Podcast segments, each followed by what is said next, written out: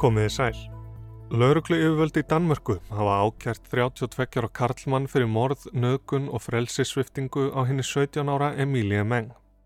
Emília kvarf sporlaust þann 10. júli árið 2016 þar sem hún var á leið heim frá lestarstöðinni í heimabæ sínum Korsur eftir að hafa verið úti að skemta sér um kvöldið. Viðtæk leit hófst strax daginn eftir en næstu mánuði áttu þúsund sjálfbóðaliða eftir að aðstóða laurugluna við leitina. Kafarar fínkjemdu vötna á svæðinu farið var um sumarhúsabegðir og þyrllur freistuðu þess að finna stúlkuna án árangurs. Ekkert spurðist til Emílie fyrir ná aðfangadag, 168 dögum eftir að síðast sást til hennar. Um fjöguleitið gekk manneskja sem var úti með hundin sinn fyrir jólamatinn fram á lík í vatni á útivistasvæði í 67 km fjarlæð frá Korsur. Nánari eftirgrænslan leiti í ljós að þarna lág Emília Meng og hafði líklega gert frá því nóttina sem hún kvarf. Augljóst var að brotið hafði verið gegn henni. En það gekk illa að leiða í ljós hvað hafði gerst og hver átti hlutað máli.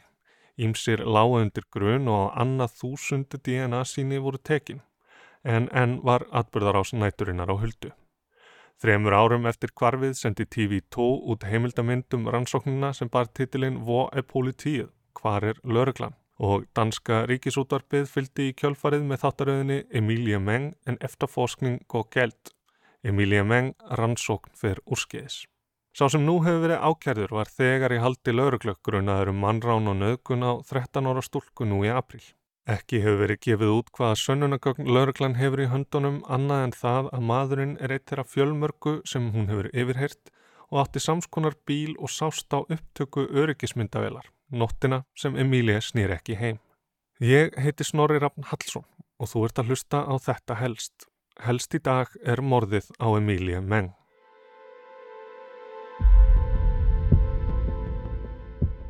Laugadagur 9. júli 2016. Hinn 17 ára Emília Meng frá Korsör á vestuströnd Sjálands fagnar próflókum með tveimur vinkonum og einum vini.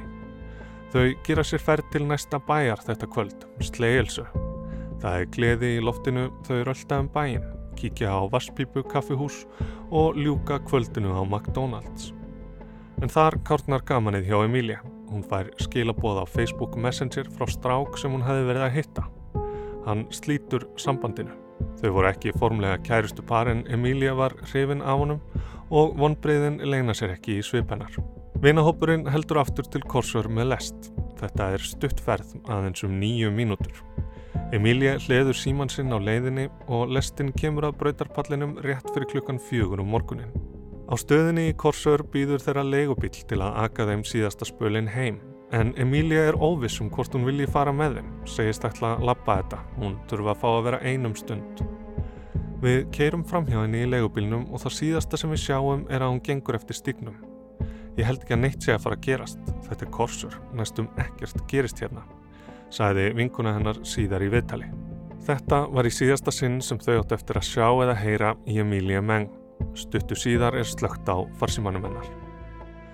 Á sunnudeginum á hann að syngja með kirkjukortnum í St. Póls kirkju en mætir ekki til messu. Og það er þá sem foreldrar hennar tilkynna lauruglegum kvarfið og á mánudaginn hefst leitin að henni.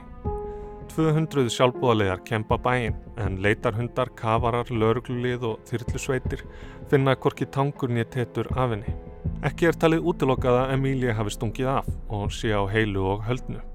Það hafa hún gert áður, farið til kaupmannahafnar og ekki látið í sér heyra í nokkrar klukkustundir. Raunar er ekkert útilokkað því engar vísbendingar finnast.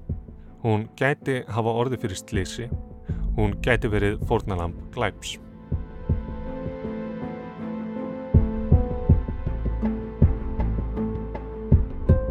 Vittni sem hefur verið úti að hlaupa segjast hafa séð kvítan sendiferðarbíl aka hratt um bæinn snemma morguns. Annað vittni segir að hann hafi séð það sem gæti verið sami bíl við verslum, aðeins nokkur hundru metra frá lestarstöðinni. Setnipartinn þennan mándag fara af stað orðrómar um að Emília sé enn á lífi. Virkni á Facebook geti verið til marksum það, segir Lörglann. Það lítur út fyrir að hún sjá í skilabóð.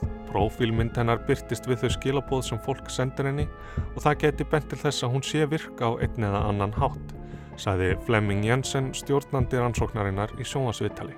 En daginn eftir var þetta dreyið tilbaka, allt saman byggt á miskilningi.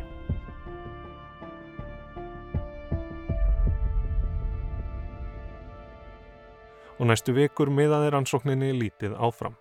Fóreldrar Emílie lofiðu fundarlaunum fyrir vísbendingar en ekkert haldbært kom fram. Lestarteinar voru rannsakaðir eftir að hundur sem hafi verið að þefa þar snýri blóðugur tilbaka. Ekkert var upp úr því að hafa. Sjálfbóðaliðar fundu svarta peysu sem gat verið svo sem Emília hafði klæðist þetta kvöld en svo reyndist ekki vera. Lörglann fekk tilkynningu um einhverja hluti sem flutu um í höfninni, innibli, úr dýri, ekki Emília. Hvað svo sem fannst, það tilherði ekki Emília og ekki fekst staðfest að neittnefði séðana. Vonir dvínuðu og þriðji möguleikin sá að eitthvað sagnæmt hefði átt sér stað virtist sífælt líkleri. Af 45 ábendingum sem bárust lauruglu voru aðeins þrjár sem bentu á tiltekna einstaklinga. Í ágúst beindist rannsóknin að 33 ára gömlum vörubilstjóra þegar fyrrum vinur mannsins tilkynntan til lauruglu eftir grunnsamlegt samtal. Maðurinn hafði áður verið fundin segur um kynferðisbrót gegn barni og var því handtekinn undir eins. Hann var yfirherður á lauruglustöðunni í Sleilsi á meðan 16 lauruglumenn leituði í húsi hans í Grendvi Kolling. Sími hans og tölva voru skoðuð, garður hans grafin upp, skildan hafa falið lík Emília þar. En GPS sendir vörubíls hans staðfesti þó fjárvistasönnunina sem hann bar fyrir sig. Hann var hverki nærri korsur nóttina sem Emília Meng kvarf. Kvarf Emília hafði skiljanlega vakið mikinn ugg meðal dönsku þjóðarinnar og fóru svo kallega náttrafnar að vakta lestastöðvar að næturlægi um helgar til að tryggja öryggi fólks. Og samtökinn fór svunum menneska hortnar manneskjur tóku rannsóknina í eigin hendur og fyldust með heimili eldri hjóna vegna þess að nágranni þeirra taldi sig hafa heyrt konu kalla á móður sína og kalla eftir hjálp frá heimilið þeirra. Lörglann fullirti að hópurinn hefði gengið of langt, leift af stað orðrómum og best væri að leifa lörglunni að starfa í freyði.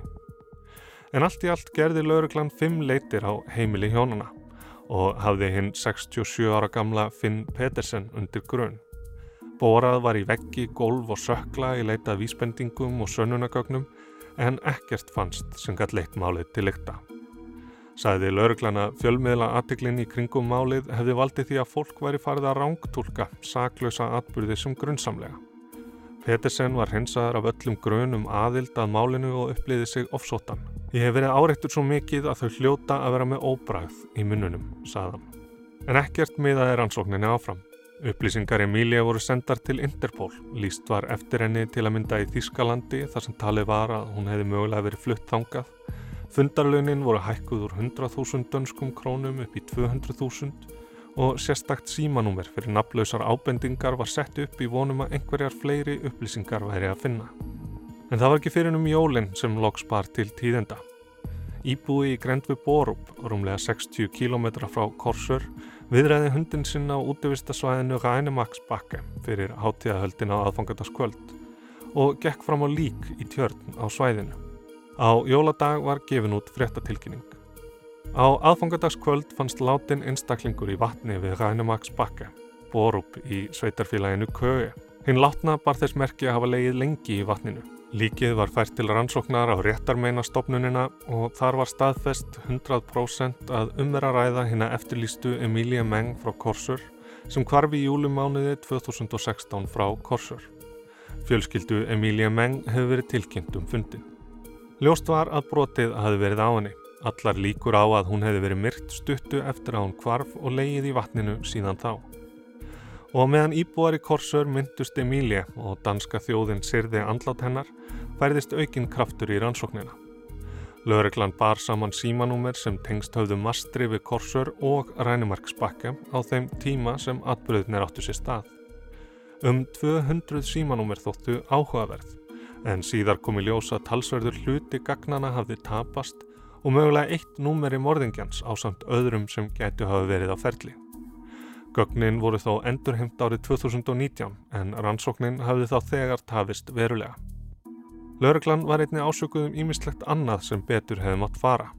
Að hafa ekki rætt við möguleg vittni um leið og hvarfið var tilkynnt og að sækja ekki upptökur úr örgismyndavelum áður en þeim var eitt. Lögreglan bar það fyrir sig að upphaflega hefði verið talið að Emília hefði strókið að heiman eftir sambandslitin. Það væri allt í lægi með hana.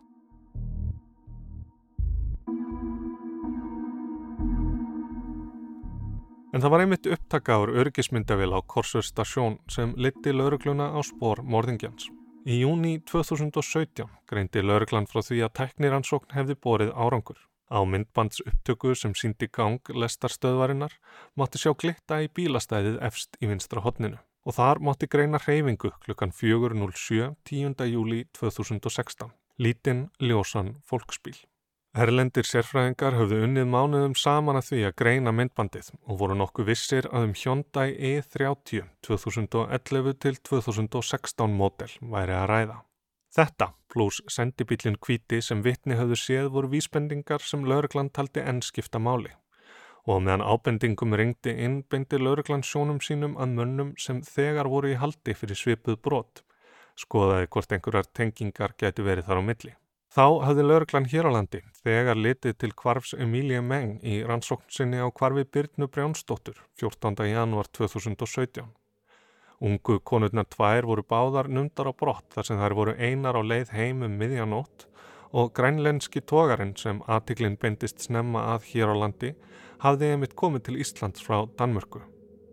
En hann hafði þó ekki leiði við höfni í Danmörku þegar Emília kvarf svo fljótlega var fallið frá þeirri kenningu.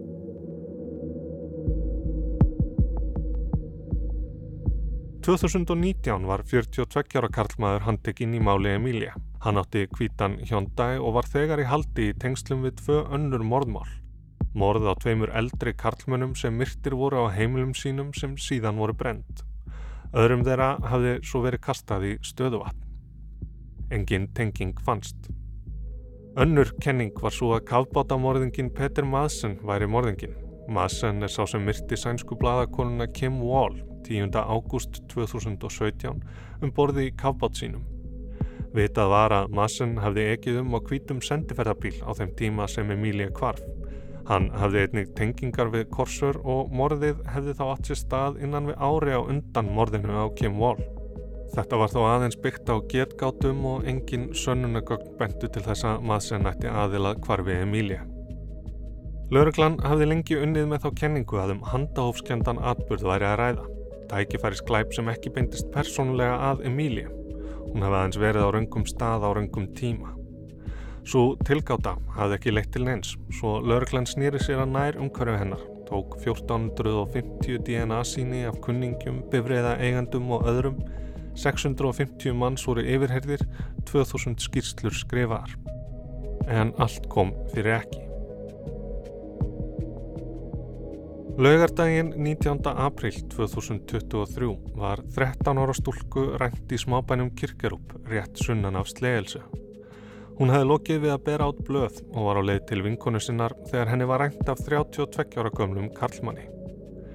Hjól hennar og sími fundust fljótlega við kirkju bæjarins. Stúlkan og maðurinn fundust síðar á heimili mannsins í norður hluta Korsur. Maðurinn hafði svift hana frelsi sínu og brotið gegn henni kynferðslega.